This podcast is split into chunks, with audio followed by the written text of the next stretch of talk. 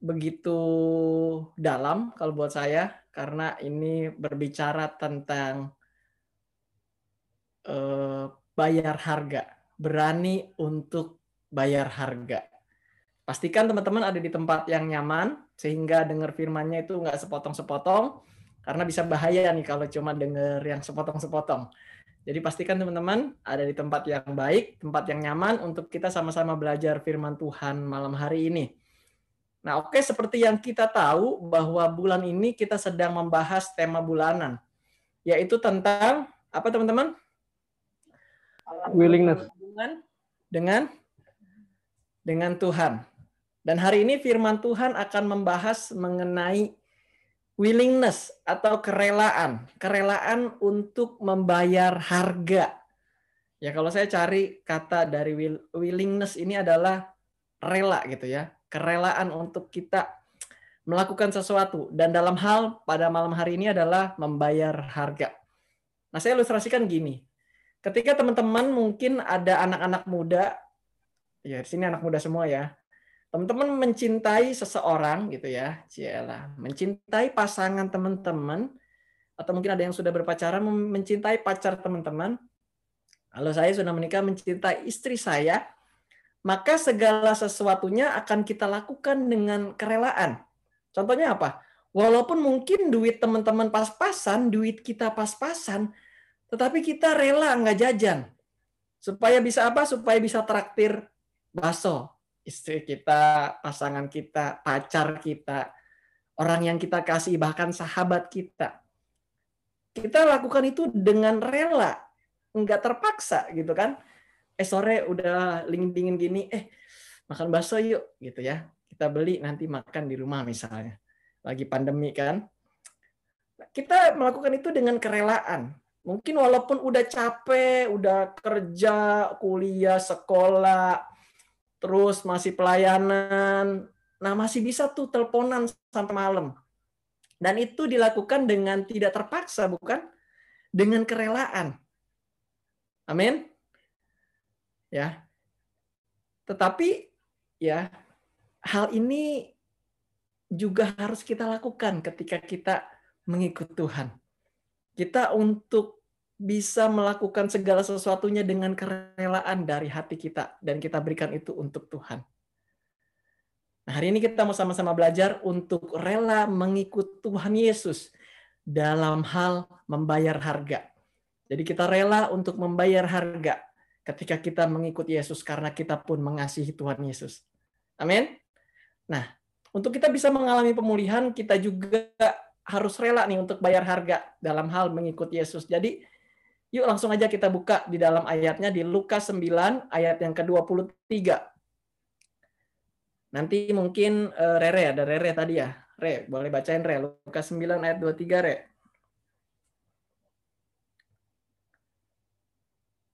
Re. Ada Rere? Atau uh, siapa di sini yang ada? Sarah ada Sarah? Ada kok. Ayo boleh dibacain Sarah dengan tugas. Oke, Lukas 9 ayat 23 katanya kepada mereka semua, setiap orang yang mau mengikut aku, ya harus menyangkal dirinya, mengikut salibnya setiap hari, dan mengikut aku. Nah, terima kasih Sarah.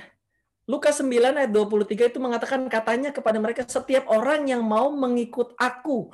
A-nya di situ A besar, artinya mengikut Tuhan, mengikuti Tuhan Yesus ia harus rela menyangkal dirinya, memikul salibnya setiap hari, bukan satu hari, bukan besok, bukan hanya sekarang, tetapi setiap hari dan mengikut aku, mengikut Yesus.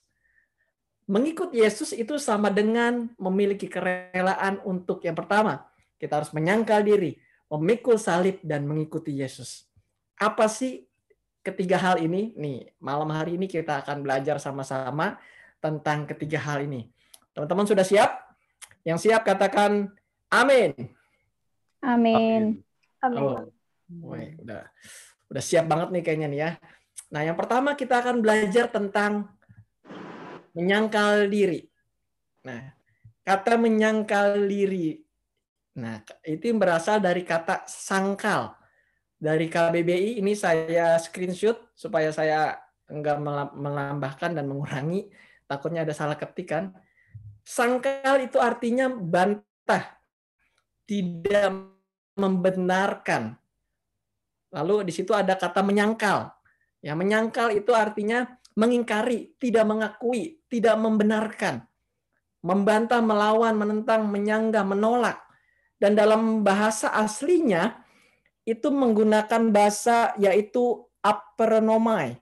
Artinya juga menolak, menegaskan bahwa seseorang tidak mempunyai kenal atau hubungan dengan seseorang, melupakan diri sendiri, melupakan diri sendiri demi dan kepentingan sendiri.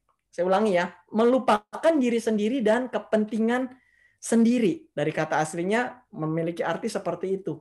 Nah, kalau menyangkal diri ya adalah tidak mengikuti apa yang kita mau.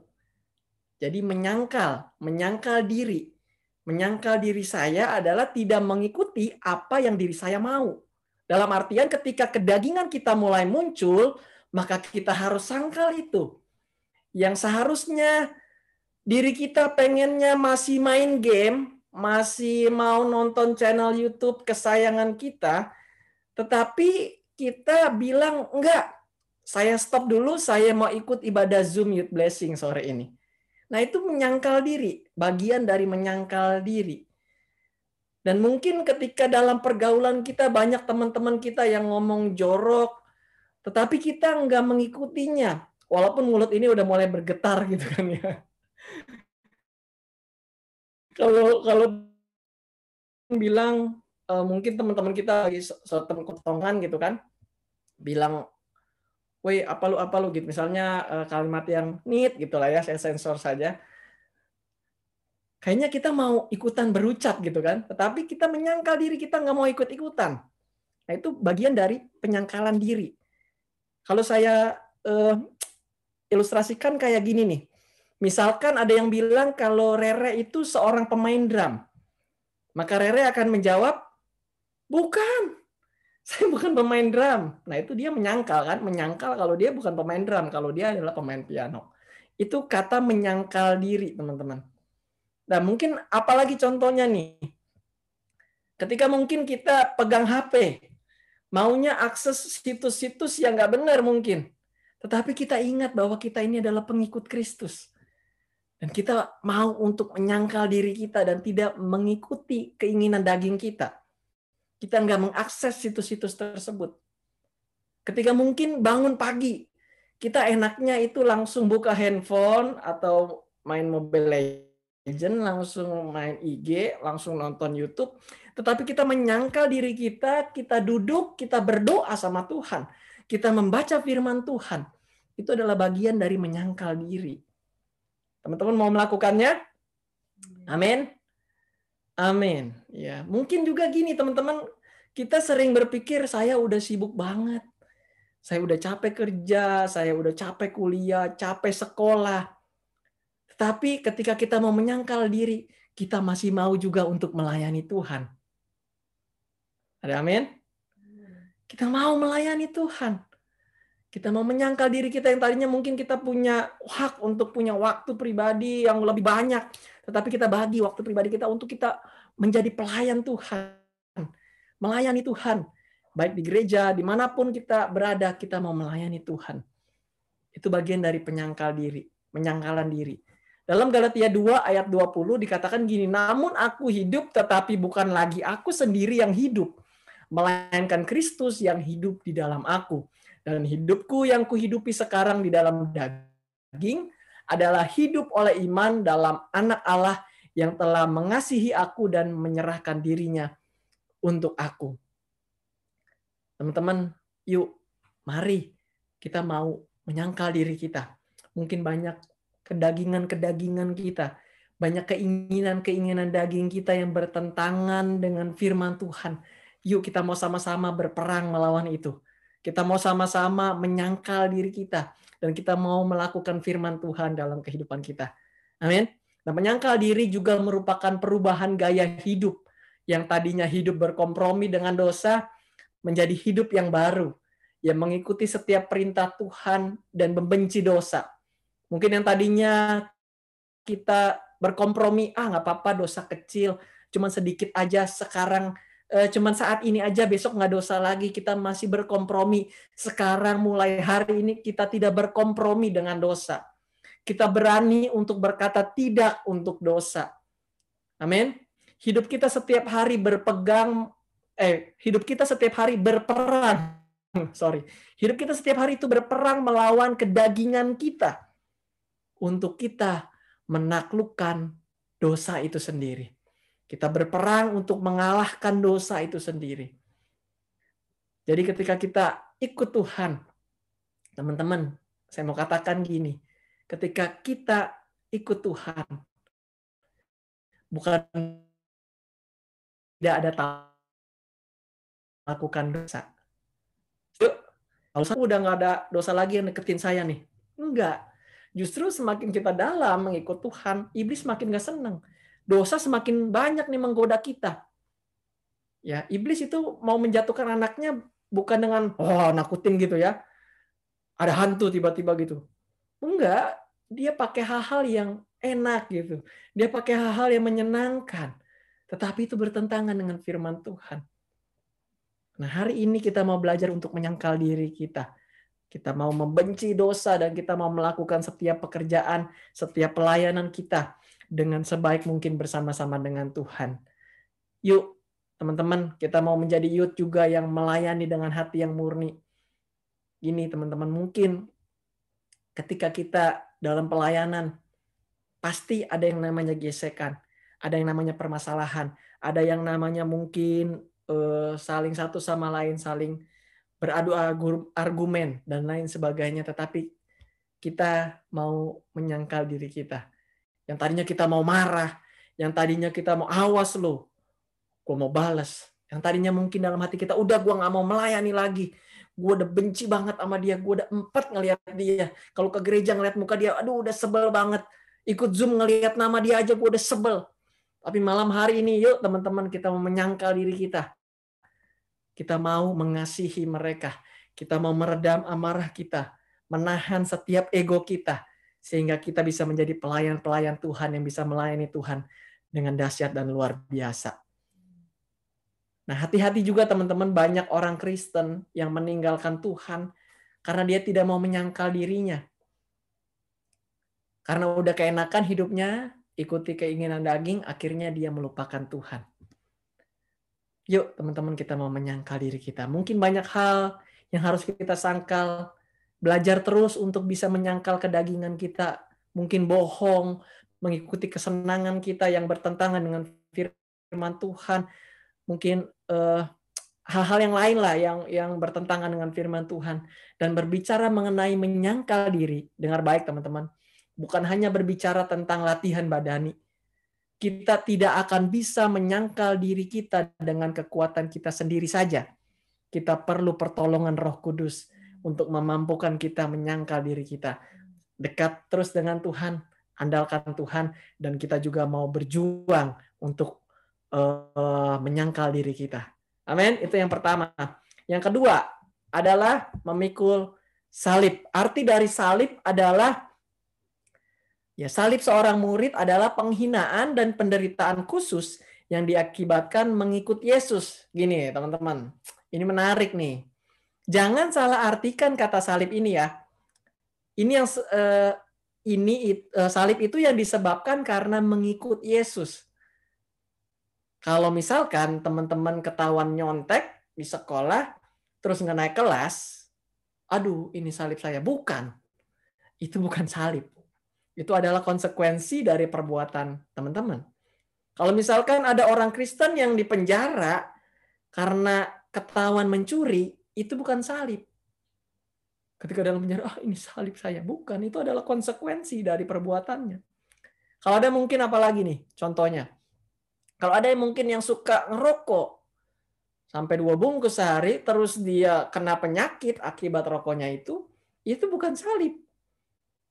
Ya, itu adalah akibat dari perbuatannya. Jadi salib ini adalah sebuah penghinaan atau penderitaan khusus yang dia diakibatkan karena mengikut Yesus. Karena mungkin kita gini, mungkin kita ketika kita mengikut Yesus dalam keluarga kita ada yang belum ikut Yesus. Lalu kita dikucilkan. Kita dijauhi. Nah, itu salib. Ada yang cerita sama saya ketika dia ikut Tuhan, mulai percaya sama Tuhan. Dia bahkan dibuang dari keluarganya. Nah, itu salib dia. Ketika mungkin orang-orang di sekolah, di tempat kuliah kita mencontek, dan kita nggak mau nyontek. Lalu kita dibilang sombong, dibilang belagu, kita dikucilkan.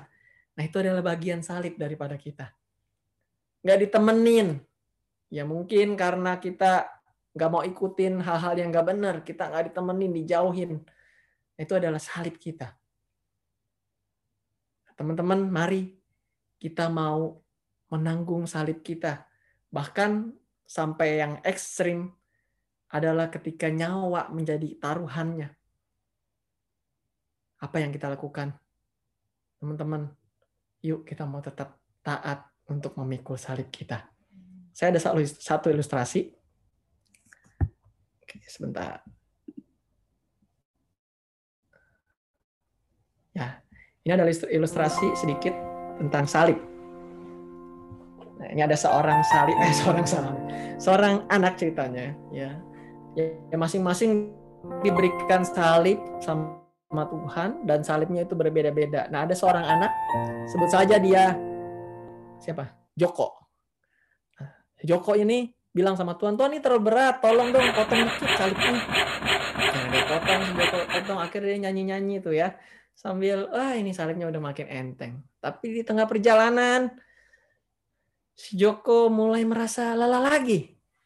Dia bilang, Tuhan tolong dipotong dikit lagi. Agar aku bisa pikirnya lebih enak lagi lah, lebih enteng lagi. Dipotong lagi. Aduh Tuhan terima kasih ya. Aduh, makin makin enak. Dia nyanyi. Lalalala, alhamdulillah di satu titik ada jurang. Ada jurang. Yang lain bisa gunakan salibnya.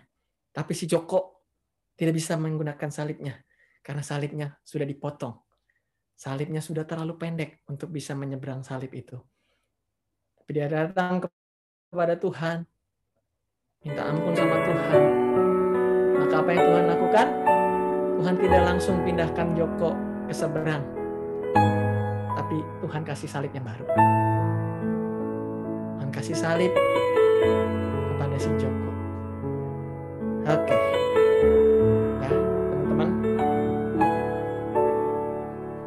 berbicara tentang memikul salib. Gini teman-teman, setiap kita punya salib yang berbeda. Amin. Setiap kita punya pergumulan yang berbeda. Setiap kita punya permasalahan yang berbeda. Tapi satu hal yang mesti kita tahu, Tuhan tahu kapasitas kita. Kalau misalnya kau Jeffrey punya anak si Sarah, Kok Jeffrey tahu kekuatan Sarah. Nggak mungkin si Sarah suruh angkat galon air. Karena dia pasti nggak kuat. Kok Jeffrey akan paling kasih botol minum untuk Sarah bawa. Tapi karena Ko Jeffrey tahu badan si Rizky kuat, badan si Rizky gede, maka Ko Jeffrey bisa kasih si Rizky minta tolong untuk bawa galon. Karena Ko Jeffrey tahu si Rizky bisa bawa galon itu. Nah, begitupun dengan Tuhan kita, teman-teman. Tuhan kita nggak bakal salah kasih salib. Setiap kita punya salib yang berbeda-beda dan salib itu adalah tepat buat kita. Dan pasti kuat. Pasti kita bisa untuk memikul salib itu. Amin. Ya. Salib kita nggak akan terlalu berat buat kita. Dalam artian permasalahan kita nggak akan melebihi kekuatan kita. Karena Tuhan tahu setiap kapasitas kita. Ya, karena Tuhan tahu seberapa kuat kita untuk memikul salib itu. Dan pastinya, teman-teman, salib itu berguna untuk kehidupan kita. Dan di balik semuanya itu kita akan melihat suatu hal yang luar biasa yang Tuhan sudah sediakan dalam kehidupan kita ketika kita setia untuk memikul salib kita. Jadi jangan pernah lepaskan salib itu, jangan pernah potong salib itu. Dan percayalah kalau Tuhan ada bersama-sama dengan kita, dia juga yang akan menolong kita dan memampukan kita untuk memikul salib itu. Yuk teman-teman, mungkin ada saat ini yang merasa salib kita begitu berat. Pergumulan kita akan keluarga, akan per, eh, perkuliahan, akan pekerjaan dengan teman. Teman-teman, tetaplah setia untuk memikul salib itu. Dan atau mungkin juga ada di antara kita yang belakangan ini yang sudah jauh daripada Tuhan. Kita merasa udah terlalu berat Tuhan, saya udah nggak mau lagi. Kita sudah kecewa sama Tuhan. Berbalik malam hari ini. Minta ampun sama Tuhan. Dan Tuhan akan memberikan kita satu hal yang luar biasa dalam kehidupan kita. Teman-teman yuk kita mau pikul salib kita dengan setia. Sampai akhir hidup kita, kita mau tetap setia untuk mengikut Tuhan. Tuhan akan terus memberikan kekuatan untuk setiap kita. Dan permasalahan dan salib itu untuk dihadapi, teman-teman, bukan untuk dihindari. Ketika menghadapinya bersama dengan Tuhan, kita akan bisa melewatinya dan kita akan melihat sesuatu hal yang luar biasa terjadi dalam kehidupan kita. Ingat kisah Ayub. Ketika dia menanggung beban, ketika dia menanggung pergumulan, salibnya begitu berat, tetapi ketika Ayub setia, ada hal yang luar biasa yang Tuhan kerjakan atas kehidupan Ayub. Banyak orang yang kecewa kepada Tuhan karena adanya penderitaan. Banyak orang yang akhirnya meninggalkan Yesus oleh karena merasa nggak sanggup Tuhan, udah terlalu sakit Teman-teman selalu ingat bahwa Tuhan kasih kita salib, tetapi tetap sertai kehidupan kita. Dia kita dia memberikan kita salib, dia tidak meninggalkan kita begitu saja. Dia ada bersama-sama dengan kita. Dan Tuhan tahu kita mampu untuk memikul salib itu. Teman-teman, yuk kita mau tetap setia kepada Tuhan. Jangan sampai permasalahan hidup ini menjauhkan kita daripada Tuhan. Jangan sampai permasalahan teman-teman, permasalahan kita, pergumulan kita mungkin dengan keuangan, sekolah, eh, pasangan hidup, dan lain-lain. Itu menjauhkan kita daripada Tuhan. Jangan pernah tukar Tuhanmu dengan apa pun yang ada dalam dunia ini. Tetap setia mengikut Tuhan. Jangan pernah meninggalkan Tuhan karena apa pun. Saya nggak tahu keberadaan hidup setiap teman-teman bagaimana. Ada yang mungkin saat-saat ini dalam permasalahan yang begitu besar, ada beban yang begitu berat, ada pergumulan hidup yang begitu berat. Ingat, ada Tuhan bersama denganmu. Jangan pernah berpikir kalau kamu itu sendirian. Jangan pernah berpikir kalau Tuhan gak melakukan apa-apa. Tuhan sedang berperkara atas setiap kehidupan kita. Ayo kembali kepada Tuhan. Punya hubungan yang baik sama Tuhan. Kalau ada yang mungkin mulai hambar, mulai nggak bisa lagi merasakan adanya Tuhan, doa-doa teman-teman mulai terasa membosankan, males, eh, dan lain sebagainya. Ayo kembali kepada Tuhan. Kita bisa datang kepada Tuhan di mana aja, teman-teman. Kita bisa ketemu dengan Tuhan di mana aja.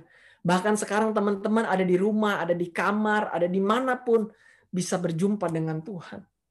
Asalkan hati kita hati kita terkonek dengan Tuhan. Hati kita sungguh-sungguh mau untuk terhubung dengan Tuhan. Percaya deh. Kita tidak akan bisa berjalan sendiri dengan kekuatan kita. Kita perlu Tuhan. Amin. Dan yang ketiga, yang terakhir. Mengikut Yesus. Teman-teman gini, di sini mengikut Yesusnya itu Artinya gini ya, menyangkal diri, memikul salib, mengikut Yesus. Bukan mengikut Yesus, menyangkal diri, mengikut salib, nggak dibalik.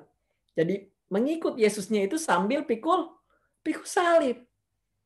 Ini yang menarik nih, teman-teman. Apa bedanya orang yang ikut dengan salib dan ikut tanpa salib? Saya mau katakan gini, orang yang ikut tanpa salib akan mudah untuk tersasar dan meninggalkan Tuhan. Karena ketika ada permasalahan datang, ada pergumulan datang, dia akan mudah meninggalkan Tuhan. Karena dia nggak mau pikul salib. Kalau teman-teman pernah lihat anak kecil yang uh, hilang di mall, perhatian-perhatian ditemukan di Dianita dengan ciri-ciri ya misalnya umur 6 tahun, rambut dikepang dua gitu ya. Kenapa anak kecil itu bisa hilang di mall? Karena dia nggak tahu mau ke mana gitu kan. Nggak ada beban yang dia bawa. Jadi dia bisa ngelihat ke sono, ngelihat ke sini, ngelihat ke sono. Coba kalau mamanya bilang, nih bawain tas mama ya, ikutin mama. Dia udah keberatan kan bawa tasnya. Aduh mama berat banget nih. Dia boro-boro tuh mau ngelihat mainan. Enggak. Dia fokus jalan ikutin mamanya sambil dalam hatinya mungkin bilang, aduh kagak pulang-pulang nih mak gua. Udah lima jam di mall nggak pulang-pulang. Dia fokus liatin mamanya karena ada beban gitu berat. Kalau dia leha-leha, lihat ke sono ada mainan, lihat ke sini ada tenjon, dia bisa ke mana-mana tuh, bisa hilang. Ada lagi nih, teman-teman pernah lihat orang yang pikul beras? Beras 50 kilo, 50 kilo, berat nggak 50 kilo? Seberat badan saya lah ya, beratan dikit, badan saya dikit. Ya, 50 kilo, berat. Hmm, udah begitu ya, bawahnya juga udah capek gitu Apakah dia pas lagi manggul beras itu tengok kanan, tengok kiri bilang, "Hei, apa kabar lu?" Ngobrol gitu. Kan enggak. Pasti dia fokus. Mau ke mana nih Pak? Bawa ke mana? Misal motornya di mana? Mobilnya di mana? Dia fokus untuk lihat orang di depannya. Nah, begitupun kita ketika kita sibuk untuk memikul salib kita, maka kita akan terus fokus kepada Tuhan. Orang yang mengikut sambil pikul salib, matanya akan terus tertuju kepada Tuhan. So bersyukur dengan salib yang Tuhan kasih dalam hidup kita. Amin. Bersyukur dengan setiap permasalahan yang Tuhan kasih dalam hidup kita. Dan karena ketika ada permasalahan datang, ada ada salib kita datang, ada salib yang harus kita panggul, itu bisa membuat kita semakin kuat. Ketika ada pergumulan, permasalahan datang, tetap setia dan kita akan next level, naik level, kita semakin kuat, semakin dibentuk. Dan kita tidak akan mudah diombang-ambingkan dengan keburukan dunia ini ketika kita mengikut Yesus dengan setia sambil memikul salib kita. Dan mengikut Yesus juga berhubungan dengan memberikan segala yang kita miliki untuk Tuhan. Berbicara mengenai pemberian yang terbaik, teman-teman. Apa yang bisa kita berikan untuk Tuhan? Waktu, tenaga, pelayanan, bahkan keuangan kita. Bisakah kita berikan itu untuk Tuhan. Karena segalanya adalah milik Tuhan. Teman-teman, yuk kita mau mengikut Yesus dan kita juga mau memberikan segala sesuatu yang kita miliki untuk Tuhan. Kita mau menyangkal diri, memikul salib, dan mengikut Yesus sampai akhir hidup kita. Dan kita lakukan semuanya ini dengan penuh kerelaan hati. Amin. Amin. Walaupun hmm. berat, walaupun susah, tetapi kita mau tetap setia dalam membayar harga yang harus kita bayar. Dan percayalah, ketika kita ingat hal ini dan terus kita lakukan dan jalani dengan penuh kerelaan hati, maka hubungan kita dengan Tuhan akan semakin dipulihkan, akan semakin baik, akan semakin luar biasa. Dan yang terakhir saya mau bilang gini teman-teman, harga yang kita bayar tidak sebanding dengan apa yang akan kita dapatkan. Tuhan Yesus memberkati kita semua. Teman-teman kita berdoa untuk firman Tuhan. Bapak kami mengucap syukur buat firman Tuhan malam hari ini. Kiranya kami boleh dikuatkan oleh firman Tuhan malam hari ini. Dan setiap kami yang mungkin tengah dalam kesulitan Tuhan yang tolong. Tengah dalam pergumulan Tuhan yang menolong. Setiap kami memberikan kekuatan yang baru memberikan penghiburan, memberikan jalan keluar Tuhan. Dan mungkin Tuhan ada di antara kami yang saat ini mulai jauh daripada Tuhan. Kami masih melayani Tuhan mungkin. Tetapi hubungan kami sedang tidak baik-baik saja. Malam hari ini kami berdoa Tuhan. Kami mau kembali kepada Engkau. Kami mau menjadi pengikut Tuhan yang setia. Kami mau menjadi anak-anak Tuhan yang setia dan kami mau membayar harga untuk kami mengikut Yesus. Karena kami tahu bersama dengan Tuhan, kami akan menjadi orang yang luar biasa, menjadi orang yang bisa melakukan setiap perkara dengan luar biasa bersama-sama dengan Tuhan. Terima kasih Tuhan Yesus. Kami sudah berdoa dan kiranya firman Tuhan bisa tertanam, berakar, bertumbuh, dan berbuah. Dan buahnya dapat dinikmati oleh banyak orang. Terima kasih Tuhan Yesus. Kami sudah berdoa dan kami bersyukur. Haleluya. Amin. Teman-teman, kita mau lanjut untuk eh, doa. Ada pokok-pokok doa yang akan kita doakan malam hari ini. uh, sebentar. Ada Christine yang Kis ada ya Kis? Ada kok. Nanti uh, kita mau berdoa. Sebelum kita doa tutup, nanti Engkis akan berdoa untuk rencana kegiatan Youth Blessing, keberadaan dan keadaan anak-anak Youth Blessing serta lingkungan gereja. Lalu nanti eh, ini di sini saya akan berdoa untuk keadaan dan situasi bangsa dan negara. Mohon belas kasih Tuhan untuk meredakan pandemi dan berdoa untuk iman anak-anak muda. Doa juga supaya anak-anak muda tetap teguh di dalam Tuhan. Dan nanti Ko Jeffrey, eh, Ko nanti tolong berdoa untuk penutup dan untuk rencana kita besok uh, minggu depan agar semua berjalan dengan baik lalu doa berkat. Itu aja, silakan. Saudara Christine.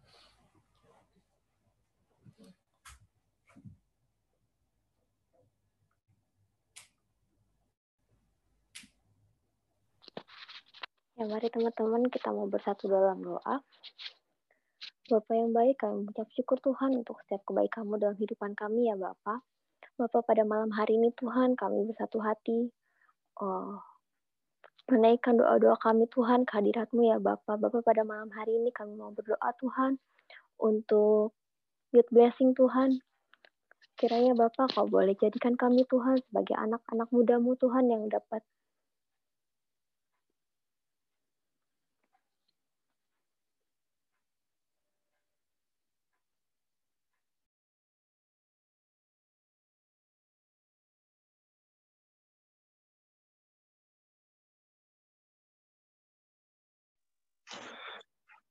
Kristinnya kayaknya ada gangguan sinyal dia live group itu cara. Oke, uh, kita berdoa untuk pokok doa yang kedua dulu. Mari kita berdoa untuk keadaan situasi bangsa dan negara. Kita memohon belas kasih Tuhan.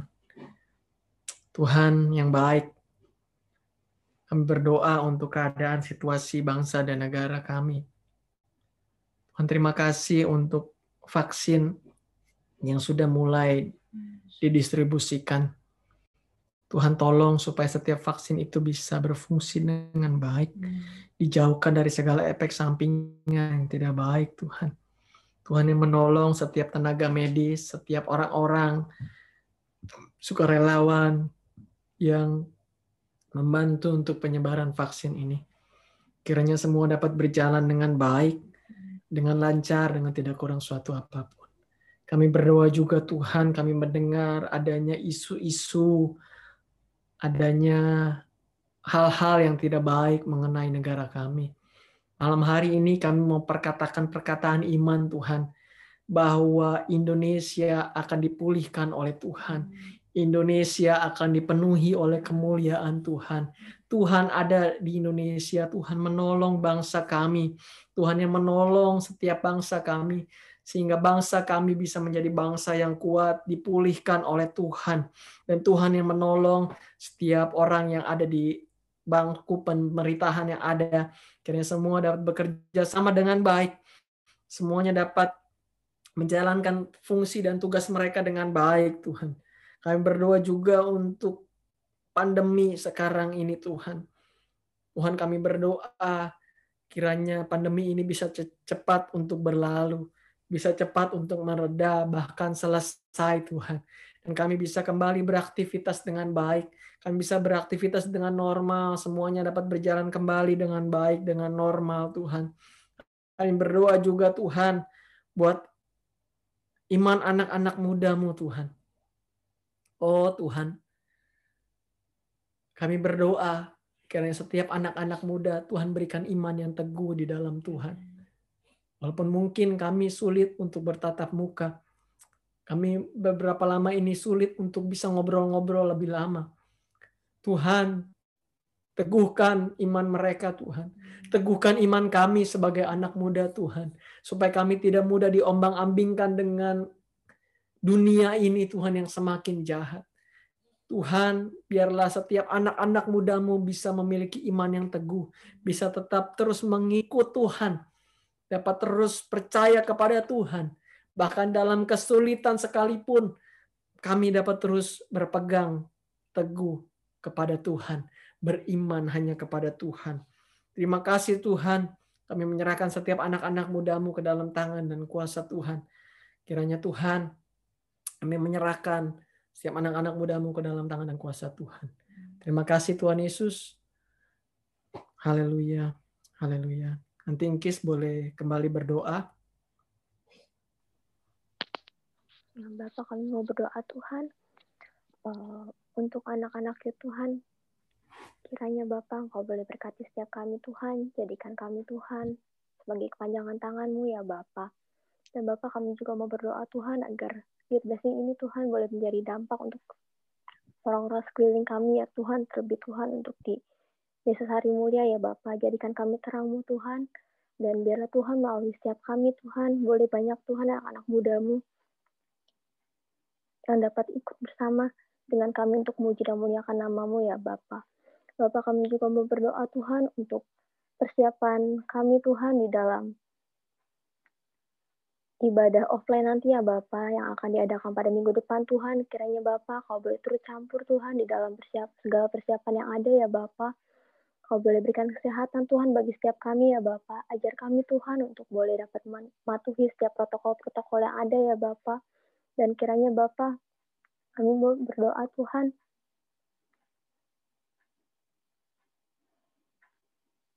kami rindu Tuhan beribadah seperti dahulu kala ya Bapak kami rindu Tuhan beribadah tanpa menggunakan masker Tuhan. Kami rindu Tuhan untuk dapat memeluk teman kami Tuhan.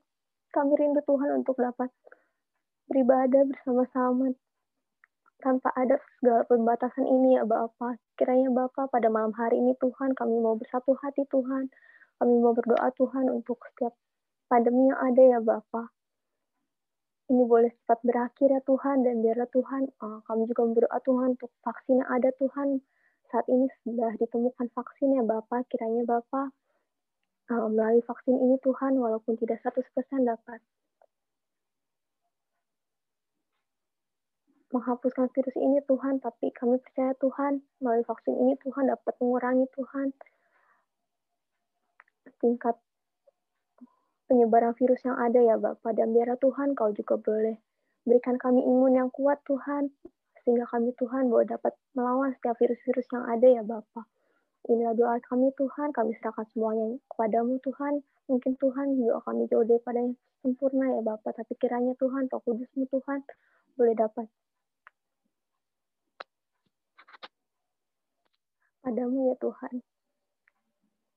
Inilah doa kami Tuhan, kami berdoa dan mengucap syukur. Haleluya. Tuhan Yesus, kami bersyukur untuk malam ini Tuhan, di mana kami Youth Blessing kembali dapat mengadakan ibadah melalui Zoom Tuhan. Semua karena kebaikan, karena kasih Tuhan yang begitu besar dalam hidup kami. Terima kasih Tuhan untuk berkat-berkat-Mu yang Tuhan sudah curahkan, berikan buat kami dalam ibadah sore hari ini, baik melalui pujian penyembahan, dan terlebih lagi melalui berkat firman Tuhan yang luar biasa yang sudah disampaikan oleh hamba-Mu Charlie, biarlah kiranya itu boleh menguatkan kami, terus melatih kami, memimpin kami, mengajar kami, untuk kami ke depannya semakin menjadi anak-anak muda yang mau atau yang berani bayar harga, mau mengikut Tuhan lebih setia lagi. Berkati setiap anak-anak muda yang malam hari ini boleh boleh join di Zoom ini Tuhan.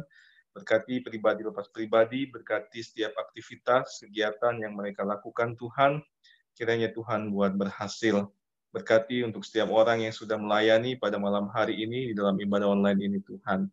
Dan biarlah ke depannya Tuhan Engkau terus campur tangan di dalam setiap program atau rencana kegiatan yang akan dilakukan oleh Youth Blessing.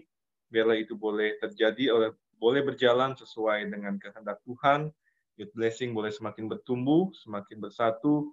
Setiap anak-anak Youth Blessing boleh semakin rajin dalam mengikuti ibadah ya Tuhan. Berkati pengurus-pengurus yang ada. Terima kasih Tuhan. Sebentar kami akan berpisah satu sama lain Bapak. Sebelum kami berpisah Bapak, kami mohon menerima berkat yang daripada Tuhan Teman-teman yang terkasih di dalam Tuhan Yesus Kristus, angkatlah tanganmu dan terimalah berkat dari Allah Bapa di surga. Tuhan memberkati dan melindungi engkau. Tuhan menyinari engkau dengan wajahnya dan memberi engkau kasih karunia.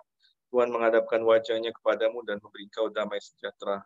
Persekutuan Allah Bapa, Putra, dan Roh Kudus serta cinta kasih dari Tuhan Yesus Kristus senantiasa akan menyertai dan memimpin setiap langkah-langkah kehidupan kita mulai dari saat ini sampai Maranatha Tuhan Yesus datang kali yang kedua, menjemput kita orang-orang percaya masuk dalam pesta perjamuan anak domba. Setiap kita yang diberkati dapat berkata, Amin. Amin. Selamat malam, youth blessing. Tuhan Yesus memberkati. Selamat malam, kok. Selamat malam, teman-teman youth. Oh, malam. Uh, pengumumannya minggu depan kita sudah mulai offline. Lalu setelah ini akan ada uh, rapat ya, Irin ya lanjut langsung di Zoom ini ya. Nanti yang berkepentingan yang ada di grup ya semuanya ya bisa tetap di room. Yang nggak ada kalau mau live nggak apa-apa. Saya serahkan sama Irin.